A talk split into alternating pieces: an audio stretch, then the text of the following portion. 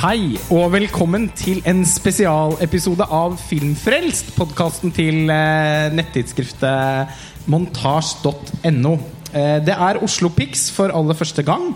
Og vi som sitter her nå, har eh, tenkt til å kaste et blikk på årets eh, program. Og løfte fram noen filmer som vi varmt kan anbefale til alle som skal gjeste festivalen. Og kanskje også komme med et par advarsler vedrørende filmer som vi har sett på festival tidligere, og som vi kanskje ikke er så begeistret for. Eh, mitt navn er Lars Ole Kristiansen. Jeg er redaktør for Montasj. Og jeg sitter her sammen med Tor Joakim Haga, redaksjonsmedlem og fast eh, Filmfrelst-deltaker. Hallo, hallo. Og den danske filmkritikeren Nanna Frank Rasmussen, som til eh, daglig skriver for Jyllandsposten. Hei. Hei. Veldig hyggelig at du kunne være med her, Nanna. Du er jo gjest på festivalen. Ja. Og eh, du har jo i likhet med oss andre vært eh, på en del festivaler allerede i år, eh, i utlandet, eh, og i fjor. Og Oslo Pix har jo hentet spesielt mye, virker det som, fra Berlin. Ja. Eh, hvor jeg også husker at, at du var til stede. Absolutt. Så eh, vi kunne kanskje begynt med at du sier noe om hva du tenker om, om hvordan programmet er kuratert, og eh, om du kan løfte fram noen filmer som du virkelig mener at alle som gjester festivalen burde se. ja.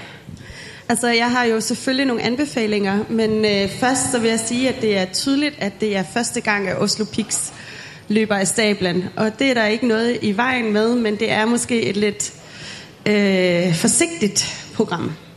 Der er ikke de helt store overraskelser, og det er film, som har haft festivalliv, mange av dem, øh, som vi har sett. Det er fint øh, for et lokalt publikum, øh, men det er ikke en festival, tenker jeg, som mange vil reise for. Øh, når man ser på det her program, der er foreligger nå. Øh, men det kan jo endre seg. Ja, altså Mitt inntrykk er jo at denne utgaven eh, er en slags pilot. Ja. Eh, og at man sannsynligvis nok vil ha et enda høyere ambisjonsnivå for programmeringen til neste år. Nå er det vel ca. 70 titler som blir vist. Og for de av oss som har vært mye på festival allerede, så er det jo ikke så mye nytt. Nei. men selvfølgelig skal man også tenke på, at det kan være, der ikke er mye nytt for oss, som har det store, store privilegium å reise verden rundt på filmfestivaler. Men for et uh, publikum, for uh, borgere i Oslo, er det jo rigtig mye spennende nyt, sandsynligvis, som ikke har været i biograferne, eller måske ikke engang kommer i de norske biografer. Så på den måde er det jo altid lykkeligt med en filmfestival, fordi den præsenterer titler, som ellers ville være usynlige for de fleste. Jeg syns også de skal ha litt kreditt, fordi de prøver jo å seksjonalisere litt her. Det er jo litt sjangerfilm. Det er noe sånn musikkfokus. Det er, de har vel kanskje noen tematiske linjer her også. Um, og en del andre ting rundt i tillegg. um, Holdt på å si Med matstasjoner. Og, altså de har prøvd å lage litt ramme rundt festivalen også, da, utover filmene. Så skal, jeg mener det er mye tentativt, mye, mye, mye bra eh, potensial synes jeg, i, i det. Til tross for at programmet som helhet, helt enig med, med dere, kanskje ikke er sånn wow-faktor. I, I alle fall ikke for oss som har reist mye på festivaler allerede. Men det fins jo masse bra film som vises, og som for vanlige festivalgjengere kan være store oppdagelser. Eh, hvilke vil du løfte fram, eh, Nanna, umiddelbart? Jamen, øh, du bad meg om å nævne tre film, men jeg har funnet fire, og jeg kunne sikkert også ha funnet flere. Så øh, når det er sagt, så skal min for, det, jeg lige har sagt, øh, jo tages med et grænsalt, den kritik, jeg har af festivalens program. For der er veldig, veldig mange spændende film. Og en af dem, som jeg har været begejstret for, og som de norske seere, eller lyttere og øh, publikumsgæster jo absolut får muligheden for at se, det er øh, Ole Javers fra Balkongen, den var jeg simpelthen utrolig charmeret av og øh, veldig begeistret for. Så den øh, synes jeg, hvis man ikke får mulighet for å se den på festivalen, altså må man endelig ikke snyde seg selv for den opplevelse når den kommer opp i de norske biografer. Ja, Den har jo norsk kinopremiere bare kort tid eh, etter festivalen. Og den hadde jo verdenspremiere på Berlinalen tidligere i år, Ja. hvor eh, jeg også så den. Og jeg ble, i likhet med deg, vet jeg, dypt beveget eh, av den filmen. Og jeg syns den både var uh, Den var det er noe et eller annet med Mens Mot naturen, Ole Jauvers forrige film, på mange måter var en sånn temafilm som griper inn i tiden vi lever i, og kjønnsroller og den slags, Ja. så uh, opplevde jeg fra balkongen som Altså her, Der zoomer han så tett inn at eh, det, det blir så spesifikt og så detaljert og så lite at det blir kjempegenerelt. Ja, men det gør det? det han forteller en universell historie om, hvordan det føles å være et moderne menneske øh, i et, ja, nå verdens lykkeligste land, øh, i et velferdssamfunn og hvor man nesten er forpliktet til at føle seg lykkelig, men måske ikke gør det alligevel. Og det søgende menneske, som han præsenterer sig selv som, øh, er dybt genkendeligt, meget bevægende, og også med altså, vanlig jæversk øh, ånd, også meget morsomt. Ja. Og øh, der er en selvironi i øh, beskrivelsen af Jule Ole Jævers forsøg på at finde mening med tilværelsen, som øh, for, i hvert fald for en skandinav, som øh, er meget rørende. Ja, og det, filmen øh, handler jo om at Ole Gjæver øh, som seg selv, altså det er en dokumentar, eh, filmer seg selv og sin familie over et års tid med balkongen som et slags sånn metaforisk utkikkspunkt. Eh, samtidig så handler ikke filmen bare om et her og nå. Den handler i vel så stor grad om et der og da. Det er jo en veldig nostalgisk eh, Mm. Hvor eh, Jæver liksom blar seg tilbake i minnene og forsøker å finne ut hva som har definert han som person, og hva som har bidratt til at han ser på verden på den måten han gjør. Og det er en historie som ikke føles eh, Det er veldig enkelt å kjenne seg igjen i mange av de slags markørene som han er innom. Det er det, og jeg vil, jeg vil skynde meg at si at du kalte den en dokumentarfilm. Det ved jeg ikke, om det er. Det er måske en hybridfilm, det er måske en fiktionsfilm, men det er sådan set lige meget. Og på den måten bryder han nogle grænser faktisk for den der faste genre-definition, som vi går så meget op i, og som selvfølgelig også er væsentlig, når man skal sælge en film, at man skal sådan kunne sætte et klistermærke på, det her det er den her type film. Og den, øh, den grænse overtræder han, og det gør han vanvittigt øh, formfuldendt.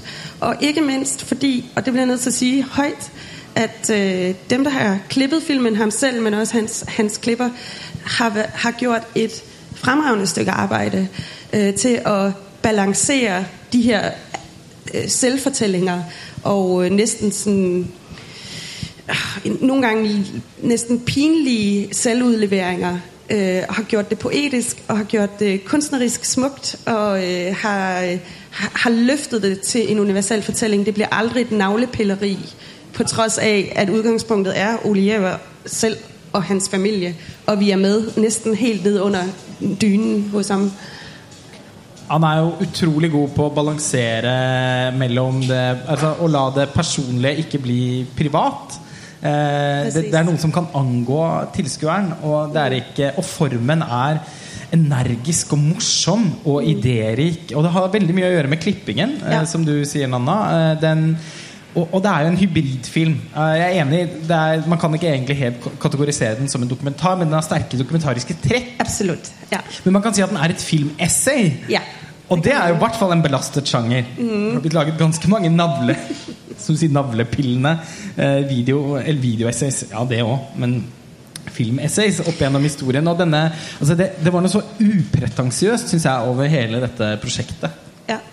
Og så kan man sige, at i hvert fald fra et dansk perspektiv, kan man næsten være helt bekymret for, om Norge er gået helt, helt amok i autofiktion. Altså har Knavsgaard ligesom ødelagt enhver mulighed for at kunne lave ren fiktion i gåseøjne, fordi det selvfølgelig også er et betændt begreb, som man kan diskutere lenge over. Spesielt disse titlene på disse filmene. 'Som du ser meg', og 'Jeg, jeg ser'. Og, og Jeg er deg, og du er jeg, meg, ja. Men, men der, der, der synes jeg bare, at øh, den, øh, den frygt bliver gjort til skamme. Øh, fordi det bliver ikke bare øh, i gåseøjne endnu en fortælling om, at jeg er et særligt menneske i verden, som I skal... Al, jeg er særlig, men jeg er også dybt banal i virkeligheden, som den genre jo tit... Altså det, det er den grøft, genren tit ender i. Og her mener jeg altså ikke Knavsgaard, men dem, der prøver at efterligne ham. Ja, altså den, eh, den klarer å både være veldig sånn eh, Veldig skjønn og, og, og inderlig, men også litt patetisk. Akkurat som vi alle mennesker er. Når vi, å, når vi tenker tilbake til barndommen, eller når vi eh, henger oss opp i noen ritualer som vi tenker at det er kanskje egentlig viktigere for oss enn det i virkeligheten er. Eh, det er en veldig sånn utprøvende film, eh, en, med en utprøvende form, og som jeg i likhet med deg syns lykkes veldig, veldig godt. Jeg er litt overrasket over at en del norske kritikere har vært mer avmålte til denne filmen enn Mot naturen. Eh, Jeg syns helt motsatt. Eh, Jeg har veldig respekt for Mot naturen også, syns den har mange interessante og fine ting ved seg. Men for meg var dette her en mye, enda mye større opplevelse. Absolutt. Og Mot naturen hadde noe av det patetiske, som sådan mandepatetiske, som jeg havde svært ved at klare helt. Øh, selvom den var sjov og underholdende og fin og begavet, så, så, så var der altså noget sådan, ja, næsten åh, macho mande maskulinitets øh, pis, altså, som man er så træt af at høre om, som blev ophøjet til at være stor kunst. Øh, og nu det lyder som om, jeg ikke kunne lide mod naturen. Det kunne jeg godt, men, Ja. men der var dele af den, som irriterede mig grænseløst. Og det er fuldstændig forsvundet fra den her fra balkongen. Den er inderlig, som du siger. Og jeg vil lige på øh, falderæbet, hvis vi skal videre til en anden film, men, Ja. men øh, nævne en dansk film, øh, anbefale jeg at forsøge at finde den, som hedder Rejsen til ophavet, som er lavet av Max Kestner, en dansk dokumentarist, som snart kommer til å lave en øh, science fiction film, fullstendig som Ole Jævers neste film blir en science fiction film. Det er litt interessant. Øh, den er fra 2001 eller 2000, den her dokumentar 'Reisen mod opphevet Og øh, det er en øh, film, der på mange måter ligner fra balkongen. Så hvis man er vild med den, så kan jeg kun anbefale, at man Ja, er- finner den danske film frem også. Så har i hvert fall jeg notert den. Um, Tor Joakim, har du lyst til å Ja, jeg har løfte ikke- fram en film? Ja, jeg har ikke sett uh, fra balkongen. Det er derfor jeg har liksom vært stille her. Men uh, ja. jeg har sett tolv av filmene på årets program. Uh, før, ja, før jeg kan begynne å se filmene her nå. Og eh, ja, Hvis jeg skal anbefale noen her, så har jeg ja, Hvis jeg skal plukke ut tre, var det det? Men jeg plukket én i første omgang. Ja. Nei, jeg må plukke ut en, en duo, for de henger sammen. ja. Jeg vil gjerne plukke ut to filmer som handler om, eh, om graviditet. Oi. Og det skulle du ikke tro når det kommer fra meg. at jeg er så veldig opptatt av det. Men, eh, men jo, det er faktisk eh, to filmer som har på hvert, hvert sitt vis tematiserer graviditet. Da. Det er sjangerfilmen 'Prevenge'. Og det er den tyske Nei, den er ikke tysk, den er belgiske filmen eh, 24 Wochen. 24 uker. Eh, som ikke er en sjangerfilm, som er veldig sosialrealistisk. Men eh, det er to veldig interessante vinklinger på graviditet. Jeg er ikke noen ekspert på graviditet, men jeg syns det er veldig mors morsomt hvordan de har løst, løst det her. da. 'Prevenge' er altså en film som handler om en eh, dame som er eh, gravid. eh, og, men barnet er åpenbart litt sånn Rosemary's Baby-aktig og gir henne eh, instruksjoner, litt sånn se, hun, se han snakker-aktig, om å gjøre fæle ting. Det er en slags kanskje satire over eh, vet ikke, hormon... eh, hva heter det? Issues, som man kanskje har under graviditeten. Er, den er veldig morsom i sin mm, litt sånn, ja, litt voldelige, men litt sånn satiriske innfallsvinkel. Minner litt om Ben Wheatley, hvis eh, dere kjenner den. Og hun, eh, regissøren har også jobbet sammen med Ben Wheatley på, eh, som medskribent på Sightseers. Eh, så det er åpenbart at der er det noen som har, har fulgt med. Eh, og den er kanskje ikke sånn kjempestilistisk, sånn som Wheatleys filmer ofte er, men den har litt av den samme eh, fandenivoldske holdningen som jeg syns er veldig søt på sitt vis. da. Så det, den vi anbefaler. anbefale. Vil også anbefale denne Fia 24 som da altså handler om et par som, eh, hvor hun er standup-stjerne i, i Belgia. Og hun blir gravid. De er vel rundt 40 år og får vite at barnet har eh, Downs syndrom. Og så har hun da en viss eh, tid på seg til å bestemme seg De har en viss tid på, på seg til å bestemme seg om de vil beholde barnet eller ei. Så det er egentlig et veldig enkelt premiss, men en veldig et veldig vanskelig moralsk dilemma. Og eh, altså Det er sosialrealisme, som jeg sier, men det er også masse interessante visuelle grep. da som gjør den til noe mer. Altså, spesielt dette her at man befinner seg mellom liv og død, som jo mye av dette handler om. Så bruker den en del sånne halvåpne vinduer, mye skumringslys. Alt befinner seg i en slags mellomfase hele tiden, som jeg syns er veldig interessant. Um, og så er det også fantastiske skuespillerprestasjoner. Til tider virker de nesten usympatiske, men, men, så henter de seg inn igjen på noe vis. Altså, det er eller annen et eller annet i dynamikken i dette paret som jeg syns er, er, veldig bra. Da. Så to forskjellige vinklinger på graviditet som jeg syns er uh, interessant. Men det er sjovt, du sier det for presis uh, 24 uker. Uh, jeg lar deg om å si det på tysk. Øh, det er en av de film som jeg ikke har sett, men som jeg har notert som en av dem jeg ser frem til å se. Og jeg blir nødt til igen lige at indsparke, der er en dansk film, jeg kan anbefale, som ligger sig i tråd, og som ligger sig op af de, den første film, du talte om, som øh, jeg, jeg stærkt vil anbefale. Den hedder Shelley, og er fra sidste år, er lavet af en instruktør, der hedder Ali Abbasi. Det var hans debutfilm, og havde norske... Og nu har jeg glemt, hvad hun Ellen Dorrit Pedersen. Præcis. I hovedrollen. Det er en, øh, også, en, også en film der kredser om graviditet og er sånn Rosemary's Babies. Ja, horror, horror, ikke sant? horror ja, men, ja. Mm. men, med flere lag. Ja. Og også med hun øh, Hva heter hun for noe? Stratan eller noe sånt noe fra den eh, Christ, eh, Altså Christian Mungu-filmen 'Beyond the Hills'. Precis. Og vant eh, Gull, altså vant prisen i Cannes for beste skuespill. Ja, hun har gjort det. Filmen. Og dukker også da opp i denne Shelly Litt sånn Antichrist-aktig ja. ja.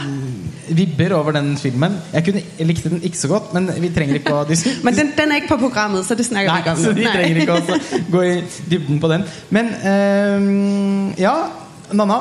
Ja.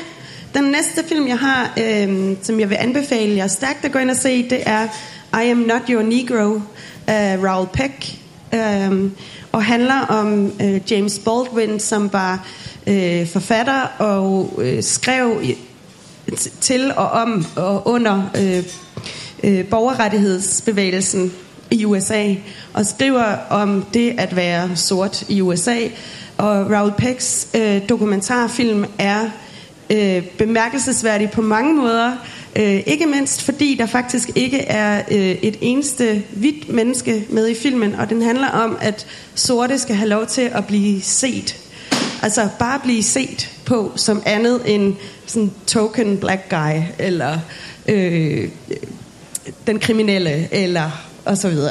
Så det er både en fortelling om borgerrettighedsbevægelsen, om hvordan poesien og litteraturen kan ændre vores forhold til omverdenen og til samfundet, og så er det en kommentar til det moderne USA og de raceuroligheder, som jo stadigvæk desværre øh, eksisterer i USA. Det er en meget, meget stærk film. Ja, altså det var jo en, det var, var nominert til Oscar i kategorien for dokumentarfilm. Eh, den eh, vant ikke. Det var det, syns jeg, en enda mye mer interessant film som gjorde. OJ Made in America. Men eh, jeg har også veldig respekt for denne I'm Not Your Negro-filmen. Altså Som et stykke Som en informasjonsfilm, eller som en stykke levende En levende historietime, mm. så syns jeg den er eh, både veldig tankevekkende og selvfølgelig også etter hvert veldig gripende. Ja. Eh, man kommer ganske tett innpå Baldwin, som jo er død, men ja. som eh, er filmens voiceover, og som leser opp et uh, ufullført essay. Ja.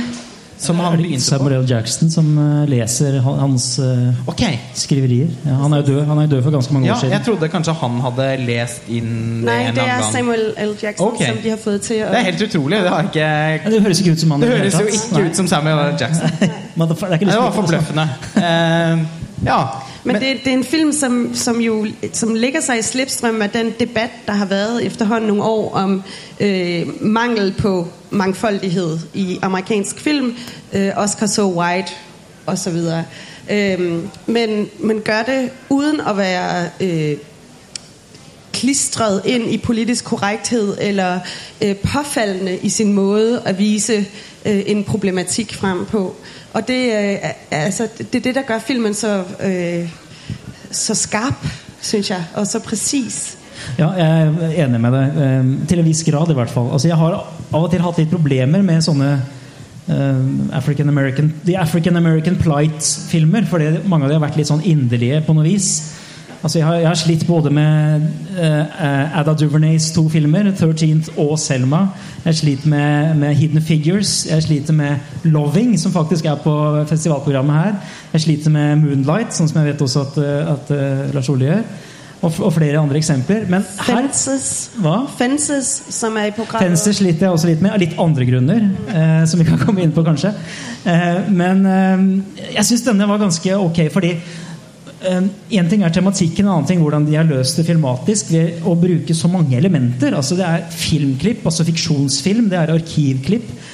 Ikke, er det, noe, det, er ikke så mye talking heads, men det er, det er, Nei, det er vel ingen, ingen, ingen Men det er den voiceoveren som binder det sammen. og det er det er en veldig dynamikk i filmspråket. Eh, altså, den er aldri kjedelig på noe vis. Og det syns jeg eh, gjør den litt bedre enn disse andre filmene jeg, jeg nevnte nå. Pluss at det er ikke bare en eh, Altså det er ikke bare en historisk fremstilling av en problematikk. Det er også Jeg syns det er en ganske interessant diskusjon om hvor dypt rasismen sitter. At den ligger i språket vårt. Ja. I bildeforståelsen vår. I vores blikk. Ja, og at det er noe som det tar mange generasjoner å viske vekk. Ja. Og at vi ikke kan Den er på en måte en, en ganske sånn En advarsel til den amerikanske befolkningen. At de på ingen måte skal ta for gitt at de verdiene som har vokst der fram i løpet av de siste 50 årene, eh, kommer til å vare, med mindre man aktivt opprettholder for å være, opprettholder eh, kampen for å bryte de ned. da Og så er det en film, der kommenterer på den her billedbårne virkelighet vi lever i. Altså hvor rigtig mange af vores informationer, vi får i dag, er jo via billeder. Vi læser overskrifter, men vi ser billeder hele tiden.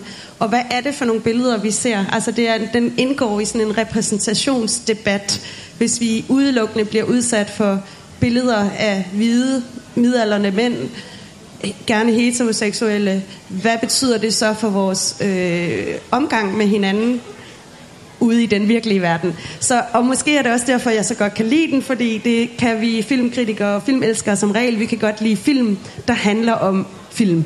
Og det gør den jo lidt, fordi den tar eksempler op fra den amerikanske filmhistorie og viser, hvordan sorte er blevet portrætteret gennem tiden. Så på den måde får man også lidt sådan en gennemgang af noget amerikansk filmhistorie, øh, og også en kommentar til, hvor vigtigt det er at have den her mangfoldige repræsentation i, øh, i film i dag. Og ikke minst språkbruk også. Hvordan man har omtalt uh, de svarte i USA. Og både i film og ellers også. Altså en, en retorisk sett interessant film, syns jeg. da. Eh, på det området minnet filmen meg faktisk også en del om The Story of Film til Mark Cossins.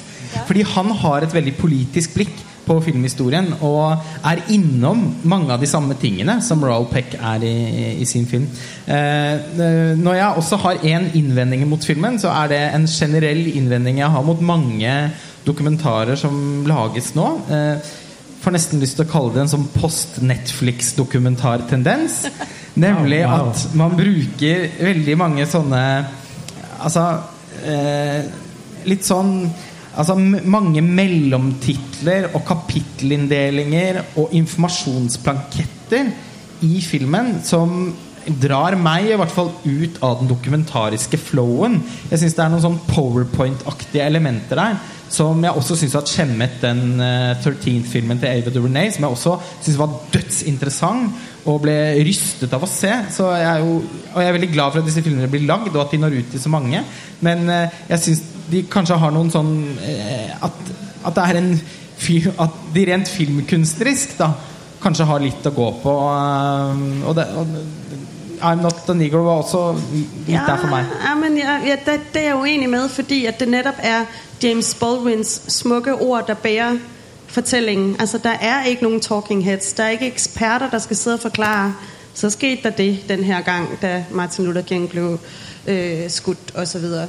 Øhm, så det er poesien, der taler øh, sammen med virkeligheten. Og det synes jeg er et meget smukt træk, og som vi ser nesten for litt. Ja, men det er helt enig. Altså, språket er nesten sånn poetisk, sånn à la Harper Lee to kill a mockingbird. Synes jeg. jeg fikk i hvert fall de assosiasjonene mens jeg, mens jeg hørte Samuel L. Jackson lese disse linjene. Og Det var det vi snakket om i stad, med, med, retorikk og språkbruk og hvordan man omtaler ting.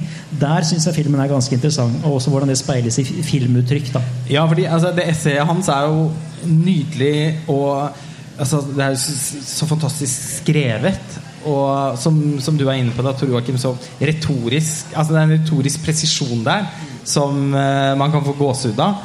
Uh, og det speiles helt klart av filmens montasje, som jeg synes er kjempevellykket. Jeg skulle bare likt å vært foruten disse kapittelinndelingene og tekstplakettene inni filmen, som drar meg ut av den flowen, da. Men det er, det er, ikke noen stor innvending. Jeg vil likevel ty, åpenbart likevel ha det sagt. Um, Joakim, har du noen noe ny anbefaling i tillegg til disse graviditetsgreiene? Må, si en siste ting om uh, I'm Not Your Negro? Uh, en siste interessant ting det er jo at Raoul Peck er jo uh, oppvokset i Haiti. Nei. Ha jo, Haiti. Ja, Haiti. Og har bodd i Frankrike også og har en filmskole i Frankrig, altså ikke været en del af den amerikanske, de sorte amerikaneres fortælling som sådan. Så der er også et blik udefra, og jeg tror faktisk, at det er med til at redde filmen fra det der lidt klistrede sødsuppe. Øh, nu er jeg lidt hård, men altså, det er også synd for os blik uh, som mange av de film som du nevnte tidligere, måske er sånn inn i. Inderligheten som av og til blir litt voldsomt for meg. Eller raseriet til Spike Lee, for eksempel, som jeg vet at du kan ha litt problemer med. Ja, men jeg elsker jo Malcolm X. Ja, ja den er helt fantastisk. Så det er ikke helt konsekvent der. Og så elsker jeg også Color Purple, som er kjempeinderlig. Så det er, det er, ikke, det er ikke, noe logisk. Det er ikke noe logisk. Men, ja. Men Joakim, fra ja. graviditets Tematikk. Graviditet. Jeg tror aldri jeg har anbefalt noen graviditetsfilmer før. så det var veldig morsomt Nei, men det er så godt. Det er så godt. Ja. Nei, altså jeg har en, eh, Vi skulle ha tre, så nå har jeg sagt to. Jeg har én eh, anbefaling til, i hvert fall, som jeg kan trekke frem. Og det er en film som heter Donald Cried. Som jeg vet ikke om noen av mine panelister har sett. Men det er eh, ja, hvordan skal jeg introdusere Det handler om en, en, fyr som kommer tilbake til eh, hjembyen sin, som er i den grisgrendt amerikansk uh, Midtvesten eller noe, sånt. Jeg tror kanskje lenger nord. da. Det er snø og kaldt og, jævlig, egentlig. Og Han vil ikke gjøre det. Han har liksom tatt avstand fra sin fortid og de vennene han hadde, men han blir konfrontert med dem da, når han kommer dit og må begrave, eh, begrave sin mormor. da. Og Han møter da spesielt én av de gamle kompisene sine, som heter Donald som er altså en figur eh, av dimensjoner. Han er eh, på en måte veldig stusslig, på en måte med et veldig hjerte, på en annen måte litt skummel. Eh, i, altså det er noe som ligger og bobler under overflaten. Litt sånn King of Comedy eh, til Scorsese. Eller noe litt sånn der, eh, et eller annet som ligger bare venter på å eksplodere. Og så har den litt av dette her eh, Den er ikke quirky. Det er viktig å poengtere, for jeg er ikke noe glad i quirky filmer. Men den er, den er det jeg kaller for underfundig. Det er en forskjell. Det er en forskjell. Ja, det er stor forskjell. Fordi eh, det quirky er ikke lagt så veldig på utenfra. Det kommer organisk innenfra. Og spesielt da denne rollefiguren Donald, som minner meg litt om Frank. Hvis dere husker den filmen Frank med Michael Fassbender. Ja, den, ja. ja som jeg var veldig glad i. Eh, den har litt av den samme tonen i seg. Eh, og jeg elsker jo også litt av den der amerikanske småbymentaliteten, livet. Skildringen av det på, på film. Ikke direkte white trash, kanskje, men litt på grensen til det. Så det var bare en film som bare helt overraskende bare, bare grep meg i sin, i sin, tone, kanskje først og fremst. Så det er en, det er en anbefaling fra meg, da. Nanna? Jamen, den vil jeg glede meg til å se. Ja, jeg òg. ja, det lyder som en, øh, en spennende film. Min neste film er øh, en bulgarsk, dansk, fransk koproduksjon. Det er meget, meget sexet. Den hedder Godless øh, og er lavet av en kvinne der hedder Ralitza Petrova. Den hadde premiere i Locarno, og, siden da, og der vant den hovedprisen, og siden da har den vundet altså, på alle, stort sett alle de festivaler den har deltaget i. Og den øh, er meget bulgarsk, men det mener jeg altså som en, som en god ting. Øh, hvis man kender den romanske nybølge, ny og ny, men altså de romanske socialrealistiske film, som alle sammen har korruptionen og øh, samfundsinstitutionernes øh, forfald som underliggende tema, så vil man, øh, og hvis man kan lide dem, så vil man i hvert fall kunne lide Godless. Øh, det handler om en kvinde, som er sådan fåmeldt, og jeg tror nærmest ikke hun smiler i løbet av hele filmen, og det Jeg kan godt høre, det lyder virkelig deprimerende, og det er det sådan set også, men det er en vanvittig god film, fordi at den har det her lidt fåmeldte, øh, udramatiske overflade, men nedenunder så bulrer der korruption og betændelse og moralsk øh, forfald på samme måde som vi ser det i mange af de her øh, eller har set det i mange af de romanske film bl.a. blandt andet Christian Mungio og øh, og så videre. Ja. Og det øh, ja, der er sådan en indignation over de uretfærdigheder der er opstået efter ja, murens fald jo, øhm, og socialismens fald i Østeuropa, men som de stadigvæk kæmper med. Men det er samtidig en meget sådan nøgtern og matter-of-factlig beskrivelse af en hverdag, hvor mennesker bliver nødt til at klare sig, og det gør de. Men det har nød, selvfølgelig nogle konsekvenser og nogle omkostninger, øh, nogle menneskelige omkostninger. Den, den er, altså, det er en virkelig en perle, synes jeg. F- Finnes det noe bulgarsk det er filmindustri? Det er, jeg må si, det er sånn hull for meg. Bulgarsk film. Og, eh, altså om den føyer seg inn, inn i noe bulgarsk historie. Kjenner du kanskje ikke det? Altså, jeg kan ikke komme på stående fot eller siddende røv på noen. Nei, nei, nei jeg bare, bare slo meg. Jeg må også innrømme at mine bulgarske filmhistoriehull er omfattende. Ehm, Jeg kan jo nå benytte anledningen til å komme med min første anbefaling. Eh, Som er en eh, film som heter 'Heal the Living' av Catel Killever. Eller Killeveré. eh, Som eh, tidligere har laget en coming of age-film som heter 'Love Like Poison'. Som fikk ganske mye festivaloppmerksomhet i 2010-2011. Og i denne nye filmen eh, Den starter med en av de mest audiovisuelt overveldende sekvensene jeg har sett det siste året. Eh, vi kastes ut, i, ut på havet eh, sammen med en gutt som surfer. Og vi får en nærkontakt med naturkreftene som jeg sjelden faktisk har sett maken til på film. Altså, Vi dykker ned i vannet og skjærer gjennom skorpa og kastes rundt med en voldsom kraft. Eh, Det var helt vanvittig inntrykk. Eh, Utrolig vakkert fotografert og lydlagt. Og så skjer det en ulykke som eh, gjør at eh, filmen etter anslaget eh, på mange måter kan minne litt om Pedro Almodovars 'Alt om min mor'.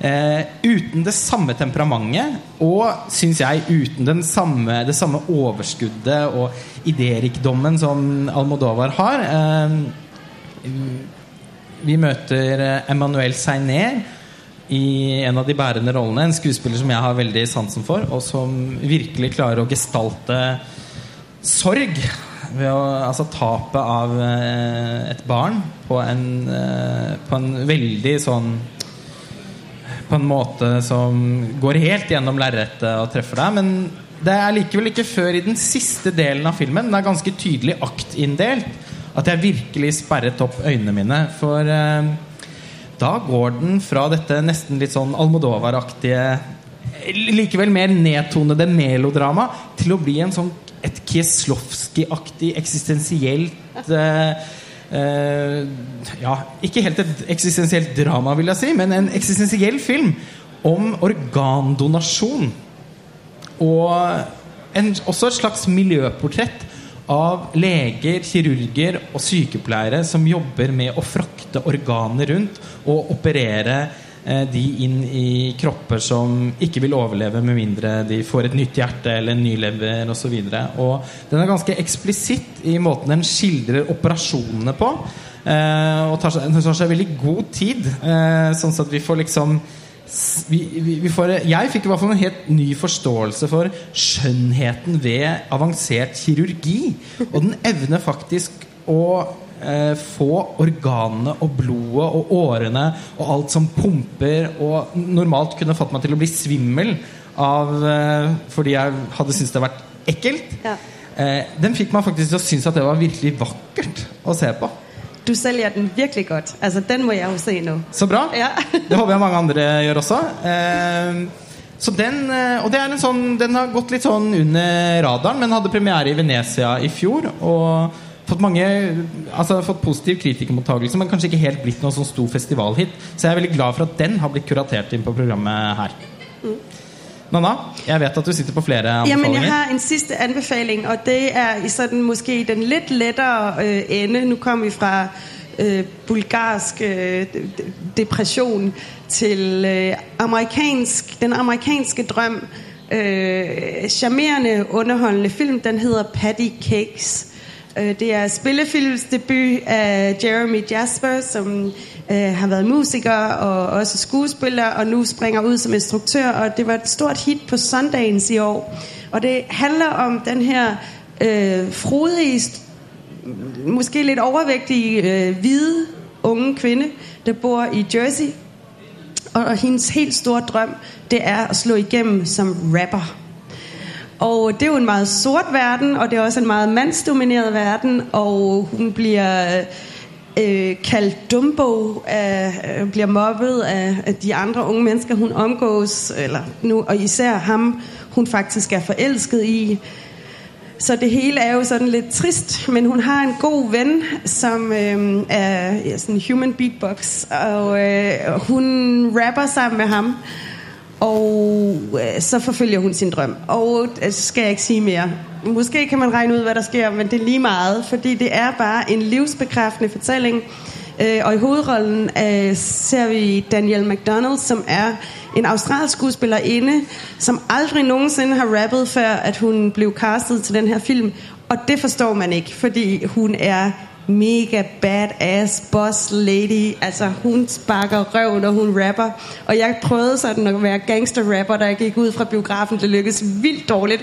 Men, men den, den giver sådan energi og en, en lyst til at, at springe ud i det ukendte og forfølge sin drøm. Den er, den er virkelig fin. Det er jo en av de filmene jeg virkelig har lyst til å se. Og du, igjen, du selger den kjempebra inn. Jeg elsker jo egentlig litt sånn white trash. Jeg vet ikke om den Er er den litt sånn estetisering av white trash-kulturen à la American Honey eller eh, ja, Florida Project, da, som var en stor snakkisfilm nå under Cannes-festivalen. Er den litt i den gata der, eller er det noe annet? Uh, den er mer sånn en hvid udgave av Precious. I en eller anden Ja, netop, forstand. netop, altså, ja, ja. der er sådan den der... Der er også nogle drømmesekvenser, som der også er i Precious. Og der er ovenikøbet en replik i filmen, der hedder... People will see you as the white precious. Altså, de adresserer det, for de ved godt, at, at vi ligger tæt op af en fortælling, vi, har, vi så i, i uh, Precious. Så, så ja, white trash, men ikke på en romantiseret, men heller ikke på en helt frygtelig måde. Altså det, det er sådan mere øh, en beskrivelse faktisk af Jaspers egen opvækst i, i Jersey, og så bare med en kvinde i hovedrollen. Dette var jo også en snakkisfilm i Cannes i år, som jeg dessverre da i motsetning til deg ikke fikk med meg. Så jeg ser veldig fram til å se det nå. Og når jeg har lest om filmen, så har jeg også tenkt på Precious, en film jeg liker veldig godt. Uh, og særlig fordi jeg hadde lest om disse drømmesekvensene, som for meg var noe av det aller beste med Precious. Yeah. Når hovedkarakteren der eh, drømmer Altså når hun lever seg inn i at hun har blitt en slags superstjerne som kommer inn på et Ricky Lake-aktig show. Yeah. og altså, det er noe med den Hvordan den fantasiverdenen er definert òg, Ja. som eh, var veldig gripende, synes jeg, i Precious. Og som Ja, det høres ut som om denne er minst like god. Ja, men det er den. Og det, det er sånn et dobbelt lag af, øh, hvordan vi bruger drømme og film jo som øh, projeksjoner, og som projeksjoner for det, vi håper, eller vi vil ønske oss at vi kunne bli, men vi godt ved, vi aldri blir. Jeg vet godt, jeg aldri blir en boss lady, hvid dansk rapper. Det vet jeg godt, jeg aldri bliver. Men derfor kan jeg jo godt i halvanden time i biografen føle, at jeg er det. Fordi jeg får lov til at følge øh, Patty Cakes, øh, som hun hedder. Øh, og samtidig så ser man hendes drømme. Så der er sådan en, en dobbelt refleksion de drømme, som vi får lov til at udleve i biografen og i fiktionen, som, som jeg veldig, veldig godt kan lide. Nå skulle jeg egentlig kommet med et par varme anbefalinger eh, til.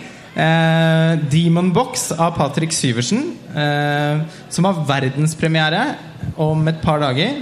Og som er en bitte, bitte liten eh, norsk film, et slags kammerspill, som går fra å være en, et eh, drama om søskenforhold til å nesten bli en slags horrorfilm om hvordan en familie bryter sammen når det kommer en utenforstående person og banke på døren. Eh, I og for seg eh, et gjennomgangstema i mange filmer i Cannes i år. Ikke minst i Georgios Lantimos nye film 'The Killing of a Sacred Dare'. Og til en viss grad også i Ruben Østlunds gullpalmevinner 'The Square'. Vi, ikke, vi er litt short på tid, så jeg skal ikke utdype det. Og jeg skal heller ikke utdype min absolutt varmeste anbefaling. Eh, for den vet jeg at for de som leser montasje, og som hører på podkasten vår, er sikkert lut lei av å høre for hundrede Jeg, gang jeg vil gerne det med det er. Ja, Personal shopper. ja! Personal Shopper av Olivera Sayas. Som etter min smak er en av de beste filmene, mest spennende filmene som er laget de siste par-tre årene. Og som jeg har vært så heldig å se tre ganger på kino, og som bare har vokst og utvidet seg. Og jeg, jeg føler at jeg har åpnet nye rom i den filmen for hver gang jeg har sett den. Kristen Stewart i hovedrollen og norske Anders Danielsen Lie i en liten, men veldig fin birolle. Den vises på Kunstnernes hus nå, med Anders Danielsen Lie til stede. Eh, og jeg kan, kan jo har jo inntrykk av at ganske mange av våre lesere har dratt dit istedenfor å komme hit og høre på, så det er jeg egentlig bare veldig glad for. Vi har jo vært så positive og snakket om så mange bra filmer. Jeg føler jo også at vi Jeg må bare, før, før vi går over på det, jeg må Ja. bare nevne for det, jeg må nevne det. Ja. Og det er jo dokumentaren 'Score', a film music documentary. Ja! Fordi at jeg føler at jeg som sitter her som påstår å være sånn filmmusikk eh, Norges eh, eh, på det greiene der, må jo si det at det er, det er en film som alle bør se. Som ikke bare er interessert i filmmusikk, men som er interessert i film, egentlig. Eh, som er en crowdfunded dokumentarfilm med masse store film, eh, komponiststjerner som er intervjuet. Eh, og som også eh, da skal vises eh, under festivalen, hvor jeg er litt involvert i den visningen. Så jeg er litt partisk akkurat her, men, men jeg følte at det ville ikke vært riktig å ikke nevne den. Nei, Det er, bra at du det er en av de filmene jeg har hatt veldig lyst til å få med. Jeg er jo Ja. litt interessert i filmmusikk, eller egentlig veldig interessert i filmmusikk, jeg også. Selv om ingen er på ditt nivå. Eh, men altså, fordi at vi har kommet med så mange anbefalinger, så føler jeg også at vi har forpliktet oss til å komme med noen advarsler, sånn helt på tampen. Hvilke filmer i dette programmet er det man kan droppe? Nanna? Ja, jeg har kun én. Ja. Men øh, det, er, det er den film, der hedder Cézanne og Sola, som er en film om netop titelkaraktererne Cézanne og Sola. Og de havde et, øh, for, et, et, et venskab. De voksede op i samme by og følger hinanden øh, gennem hele livet. Og det er, hvad man kan kalde meget gammeldags film. Øhm, det er bagudskuende film, som, hvor man måske nok får lyst til at se Cézannes malerier og læse Solar, men øh, det behøver man jo ikke filmen for å få lyst til. Hvis jeg skal være sånn helt benhård og kort. Ja, men det skal du jo helst være. Ja. Eh, jeg kan være enda hardere med min eh, frabefaling. Eh, en film som mottok veldig mye kritikerros da den deltok i hovedkonkurransen i Cannes i fjor. Som heter 'Loving' av Jeff Nichols. Og som også er en film om raseproblematikk i 50-60-tallet i USA. Med to veldig gode skuespillere i hovedrollene, Ruth Negga og Joel Ed Edgerton. Og som skal få oss til å Til å utvikle de sterkeste følelser for dem og deres relasjon gjennom den fortellingen, men som for meg ikke fungerte i det hele tatt, fordi at jeg ikke syns at skuespillerne hadde noen troverdig kjemi. Eh, Ruth Negga synes jeg gjorde en helt nydelig rolle. Hun ble Oscar-nominert også, fullt fortjent.